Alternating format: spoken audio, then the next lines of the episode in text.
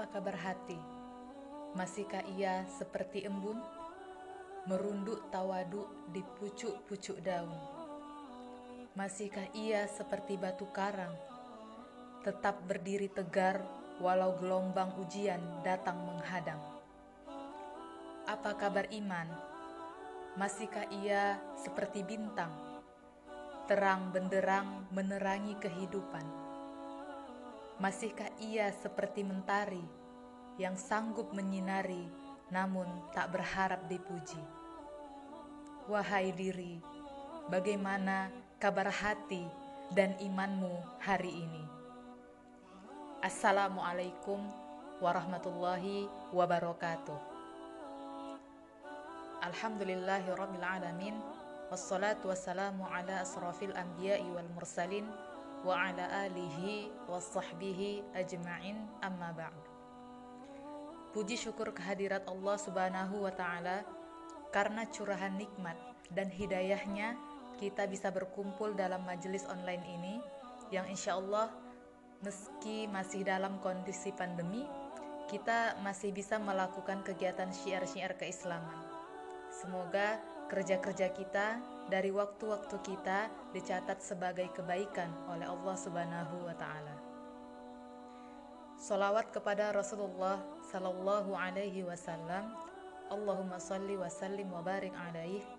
Semoga dengan banyaknya kiriman salam kita untuknya, kelak di jannahnya nanti, dia tanyakan siapa umatku yang suka bersolawat kepadaku maka kita bisa dengan tersenyum membalas salamnya, berkumpul di jannahnya bersama orang-orang yang juga suka bersalawat pada Rasulnya.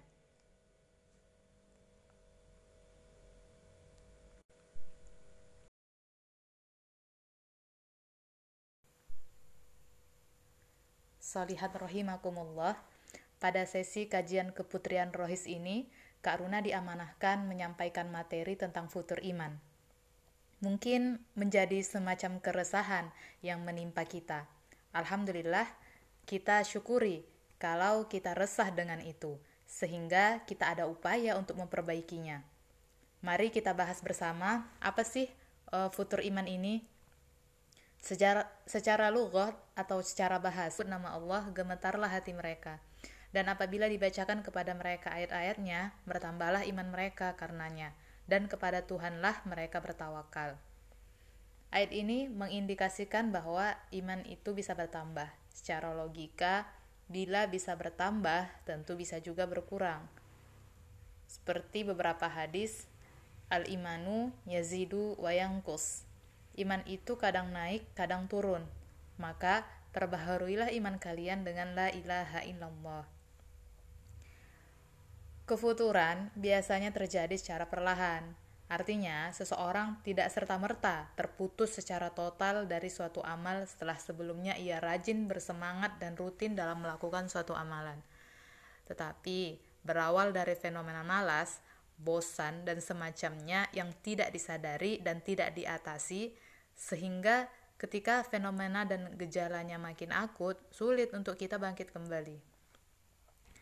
Oleh karena itu, penting bagi kita untuk mengakui, menerima keadaan bahwa kita sedang futur atau tidak. Karena bahaya sekali bila kita tidak menyadari kefuturan itu, sehingga semakin lama kefuturan itu semakin sulit diobati. Coba kita cek gejala-gejala berikut ini. Adakah pada kita bermalas-malasan dalam melakukan ibadah dan ketaatan? Hati terasa gersang dan mengeras, melakukan perbuatan dosa dan maksiat, tidak bertanggung jawab serta meremehkan dan menyepelekan amanah yang dibebankan di pundaknya, terputusnya hubungan persaudaraan antara dua orang yang sebelumnya saling mencintai, lalu berubah menjadi saling benci dan saling menjauhi. Sibuk dengan urusan dunia serta melalaikan ibadah, tolak menuntut ilmu dan dakwah berlebih-lebihan dalam urusan makan, minum, pakaian, dan kendaraan, menyia-nyiakan waktu dan tidak memanfaatkannya dengan baik untuk melakukan hal-hal yang lebih bermanfaat, bekerja serampangan dan asal-asalan, serta tanpa target dan tujuan yang jelas, menipu diri sendiri dengan sok sibuk, padahal sebenarnya menganggur dan bersantai ria. Atau yang terakhir, suka menunda-nunda pekerjaan dan panjang angan-angan, sehingga tidak satupun pekerjaan dan amanah yang diselesaikannya. Gimana? Adakah gejala-gejala ini pada kita? Ya, masa-masa futur adalah situasi yang patut diwaspadai. Pasalnya, keadaan futur bukan saja semangat berbuat baik yang menurun, dorongan melakukan keburukan juga menjadi menguat. Pertahanan menghadapi bisikan setan dan ajakan hawa nafsu menjadi sangat rapuh. Alhasil, seorang yang sedang futur mudah takluk oleh godaan dan rayuan. Tak mengherankan jika terkadang kita menjumpai orang yang sudah bertobat bahkan begitu gigih dalam kebaikan, tapi beberapa waktu kemudian terperosok kembali dalam keburukan. Kita belajar dari kisah Nabi Allah Yunus alaihi salam. Allah mengutus Nabi Yunus kepada penduduk Nainawi. Dia menyuruh penduduk di tempat itu untuk menyembah Allah dan mengesakan dan mengesakannya. Namun, mereka tidak beriman sehingga Nabi Yunus merasa sesak dadanya berada di tengah mereka dan dia marah. Lalu apa yang terjadi akhwati fillah? Nabi Yunus memutuskan untuk tidak melanjutkan dakwahnya. Ia memilih pergi dan dengan sebuah kapal di sungai Tigris. Kalau bahasa kasarnya, ya sudahlah, tinggalin aja amanah ini. Lalu Allah pun memberikan pelajaran penting bagi Nabi Yunus atas ketidaksabarannya dalam berdakwah. Kapal itu bergoyang hebat dan hampir saja tenggelam. Orang-orang yang berada di atas kapalnya akhirnya melakukan undian siapa yang akan dibuang ke laut sebagai usaha untuk meringankan beban kapal itu. Dalam tiga kali undian, ternyata undian itu jatuh kepada Nabi Yunus. Maka mereka pun melemparkan Nabi Yunus ke laut, dan dia pun ditelan ikan besar atas perintah Allah. Maka Nabi Yunus bertobat dan minta ampun kepada Allah. Masih ingat doanya Nabi Yunus? yang masyhur dalam Al-Quran? Ya, betul. Dalam Quran Surat Al-Anbiya ayat 87 yang doanya adalah La ilaha illa anta subhanaka inni kuntu minaz zolimin. Bahwa tidak ada Tuhan yang berhak disembah selain engkau, maha suci engkau, sesungguhnya aku adalah termasuk orang-orang yang zolim. Coba kita simak juga kisah salah seorang sahabat Rasulullah Sallallahu Alaihi Wasallam yaitu Hanzalah Hanzalah ibnu Rabi' radhiyallahu an. Ketika Abu Bakar berkunjung dan menanyakan kabarnya, Hanzalah pun menjawab, Hanzalah telah munafik. Terperanjat Abu Bakar, lalu ia berkata, Subhanallah, apa yang kau ucapkan? Lalu kata Hanzalah, ketika sering bersama Rasulullah, beliau mengingatkan kita tentang surga dan neraka seolah-olah kita melihatnya dengan mata kepala. Namun, ketika kita keluar dari sisi Rasulullah, bercengkrama dengan anak-anak serta sibuk dengan pekerjaan kita, pun banyak melupakannya. Demi Allah, sesungguhnya kami juga merasakan hal seperti itu, sahut Abu Bakar membenarkan. Setelah itu mereka pun menanyakan hal ini kepada Rasulullah. Lalu Rasulullah pun menenteramkan hati mereka dengan sabdanya, Demi zat yang jiwaku di tangannya, seandainya kalian selalu dalam keadaan sebagaimana ketika kalian ada di sisiku dan dalam berzikir, niscaya malaikat akan menjabat tangan kalian di tempat-tempat tidur dan di jalan-jalan kalian. Akan tetapi sesaat demi sesaat, wahai Hanzalah, sesaat demi sesaat, wahai Hanzalah, sesaat demi sesaat. Dari kisah tadi, kita belajar apa penyebabnya dapat menjadikan kita futur di antaranya pertama, lingkungan yang tidak kondusif. Sudah kita lihat betapa beratnya Nabi Yunus berada di tengah-tengah lingkungan yang sudah begitu jauh dari nilai-nilai kebenaran, sehingga menyebabkan ia futur. Ya, keadaan pandemi seperti ini sa pun sangat berpotensi membuat kita futur. Misalnya, kita berada di lingkungan keluarga yang kurang memperhatikan keimanan, atau kurang pengawasan terhadap aktivitas-aktivitas kita saat menggunakan gawai dan media sosial. Yang kedua, kalau dari kisah Hanzalah tadi, kita bisa mengetahui bahwa berlebih-lebihan dalam perkara yang mubah lalu melupakan akhirat juga bisa menyebabkan kita futur. 3. Penyebab lainnya bisa karena suka bersendiri dan berjauhan dari jamaah. Sesungguhnya, setan itu serigala bagi manusia, seperti serigala bagi kambing. Ia akan menerkam kambing yang keluar dari menyendiri, yang keluar dan menyendiri dari kawanannya. Karena itu, jauhilah perpecahan dan hendaklah kamu bersama jamaah dan umum dan umat umumnya. Terutama keadaan sekarang ini. Normalnya mentoring tatap muka sepekan sekali. Kini mesti melalui daring dan karena keterbatasan tidak bisa dilakukan maksimal. Keempat, membatasi aktivitas pada aspek tertentu saja sehingga muncul rasa jemu, lalu lama-kelamaan menjadi futur Misalnya, hanya tilawah Al-Quran saja, padahal bisa divariasikan dengan mendengarkan merotal, tadabur, menghafalkannya, serta mengajarkannya. 5. Kurang memahami makna syukur dalam surat kurang memahami makna syukur. Dalam Quran surat Ar-Rahman, sebanyak 31 kali disebutkan ayat fabi'ayyi ala rabbikuma tukadziban. Itu menunjukkan bahwa betapa banyak dosa yang kita perbuat yang penyebabnya adalah karena kurangnya kita bersyukur terhadap nikmat-nikmat yang telah Allah berikan. Kita sering menggunakan mata, kaki, tangan, dan segala macam nikmat lainnya yang Allah berikan justru untuk bermaksiat kepadanya.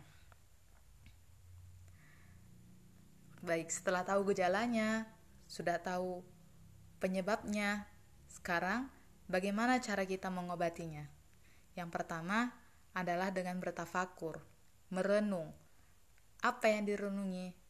Nah, jadi kita harus punya waktu untuk bertafakur dan merasakan apa yang apa saja yang harus ditafakuri di setiap waktu.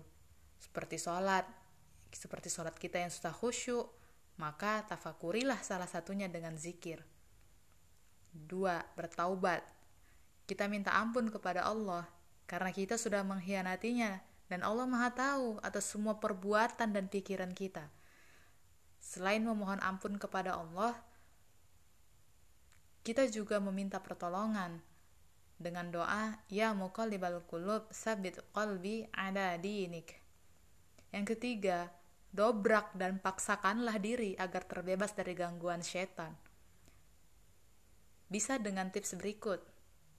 Obat hati ada lima perkaranya. Yang pertama, baca Quran dan maknanya. Yang kedua, sholat malam dirikanlah. Yang ketiga, berkumpullah dengan orang soleh. Yang keempat, perbanyaklah berpuasa. Kelima, berzikir malam, perpanjanglah. Salah satunya, siapa yang bisa menjalani, moga-moga Gusti Allah mencukupi. Obat yang keempat, ganti hobi dengan yang membawa kita lebih dekat dengan Allah. Sekalipun itu aktivitas duniawi, maka niatkan untuk melaksanakan niatkan melaksanakan itu sebagai bentuk ketaatan pada Allah. Hmm, mungkin di antara akhwati fillah sekalian ada yang masih mempertanyakan ya, bagaimana mungkin kita bisa melakukan amalan-amalan tersebut sedangkan kondisi kita saja sedang futur. Seperti yang Rasulullah sampaikan kepada Hanzalah, sesaat demi sesaat, wahai saudaraku, sa'ah wa sa'ah wahai saudaraku. Sa'ah wa sa'ah ikhwati fillah. Ya sesaat demi sesaat perlahan saja dan bertahap. Mulailah dengan memaafkan diri kita sendiri dulu lalu mulailah dari amalan yang kita rasa paling mudah untuk kita lakukan. Kalau masih berat juga ingat ayat ini dan azamkan. Infiru khifafan wajahidu bi amwalikum wa anfusikum fi sabilillah Dzalikum khairul lakum in kuntum ta'lamun. Berangkatlah kamu baik dalam keadaan merasa ringan ataupun merasa berat dan berjihadlah dengan harta dan dirimu di jalan Allah. Yang demikian itu adalah lebih baik bagimu jika kamu mengetahui. Dan alhamdulillah finally mari kita bangkit dari futur. Wallahu alam bisawab. Afwan minkum. Assalamualaikum warahmatullahi wabarakatuh.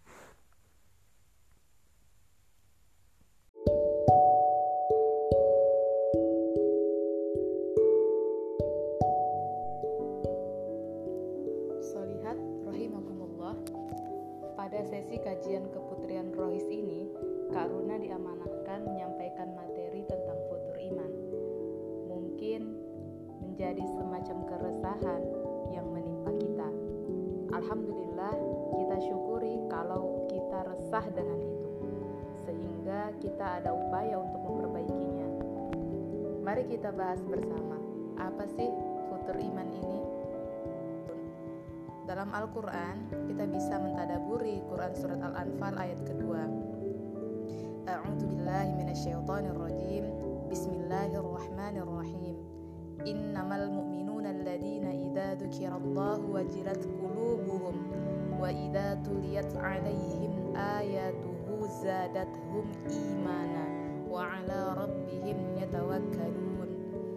Sesungguhnya orang-orang yang beriman adalah mereka yang apabila disebut nama Allah gemetarlah hati mereka dan apabila dibacakan kepada mereka ayat-ayatnya, bertambahlah iman mereka karenanya, dan kepada Tuhanlah mereka bertawakal.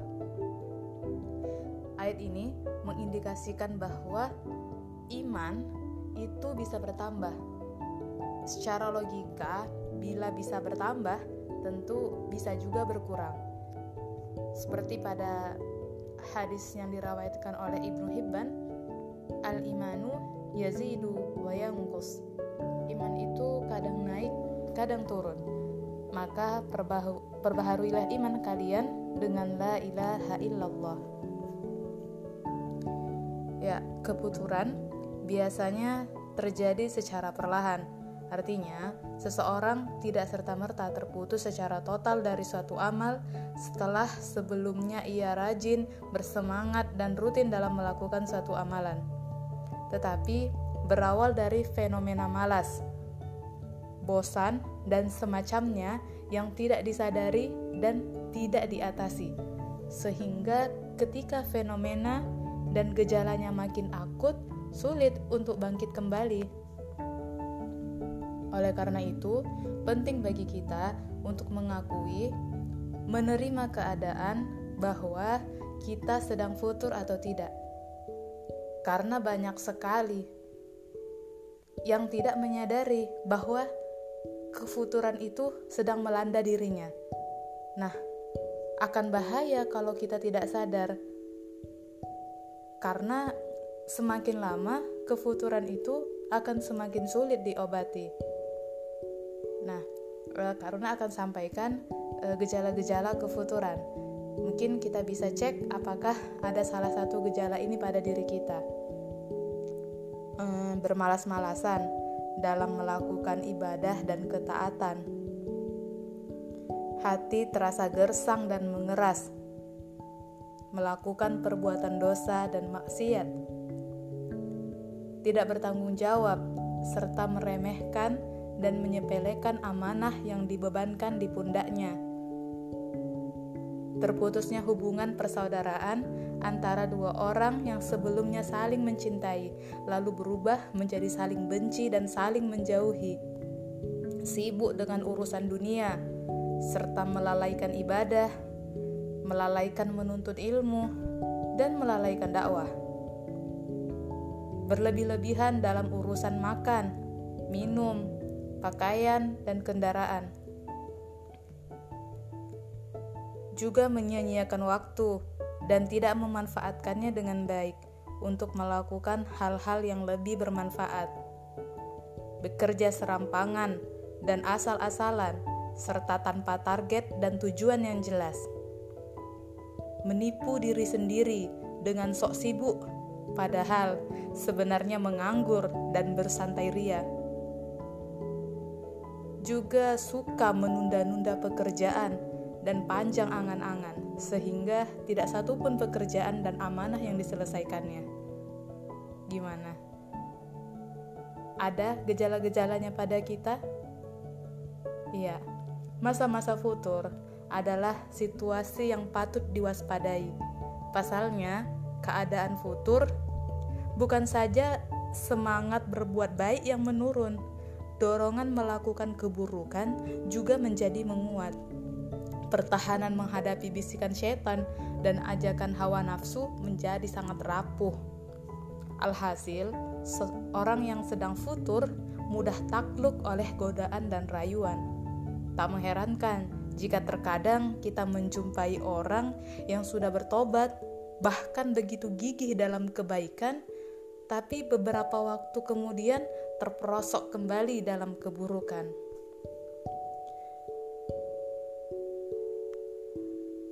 Akhwat filah rahimakumullah. Kita belajar dari kisah Nabi Allah Yunus alaihi salam.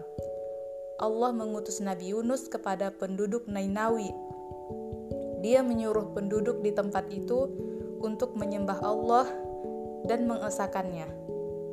Namun mereka tidak beriman sehingga Nabi Yunus merasa sesak dadanya berada di tengah mereka dan dia marah.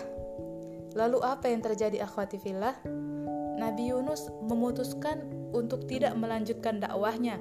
Ia memilih pergi dengan sebuah kapal di Sungai Tigris. Kalau bahasa kasarnya, eh, ya sudahlah, tinggalin saja amanah ini. Lalu Allah pun memberikan pelajaran penting bagi Nabi Yunus atas ketidaksabarannya dalam berdakwah. Kapal itu bergoyang hebat dan hampir saja tenggelam. Orang-orang yang berada di atas kapal akhirnya melakukan undian siapa yang akan dibuang ke laut sebagai usaha untuk meringankan beban kapal itu. Dalam tiga kali undian, ternyata undian itu jatuh kepada Nabi Yunus. Maka mereka pun melemparkan Nabi Yunus ke laut, dan dia pun ditelan ikan besar atas perintah Allah. Maka Nabi Yunus bertobat dan minta ampun kepada Allah. Masih ingat doanya Nabi Yunus yang masyhur dalam Al-Quran? Ya, betul. Di Quran Surat Al-Anbiya ayat 87 bunyinya itu La ilaha illa anta subhanaka inni kuntu minaz zalimin bahwa tidak ada Tuhan yang berhak disembah selain Engkau. Maha suci Engkau. Sesungguhnya aku adalah termasuk orang-orang yang zolim. Coba kita simak juga kisah salah seorang sahabat Rasulullah Sallallahu Alaihi Wasallam, yaitu Hanzalah ibnu Rabi' radhiyallahu anhu. Ketika itu, Abu Bakar berkunjung dan menanyakan kabarnya. Hanzalah pun menjawab, Hanzalah telah munafik. Terperanjat Abu Bakar. Lalu ia berkata, Subhanallah, apa yang engkau ucapkan? Lalu kata Hanzalah, kita sering bersama Rasulullah. Beliau mengingatkan kita tentang surga dan neraka seolah-olah kita melihatnya dengan mata kepala.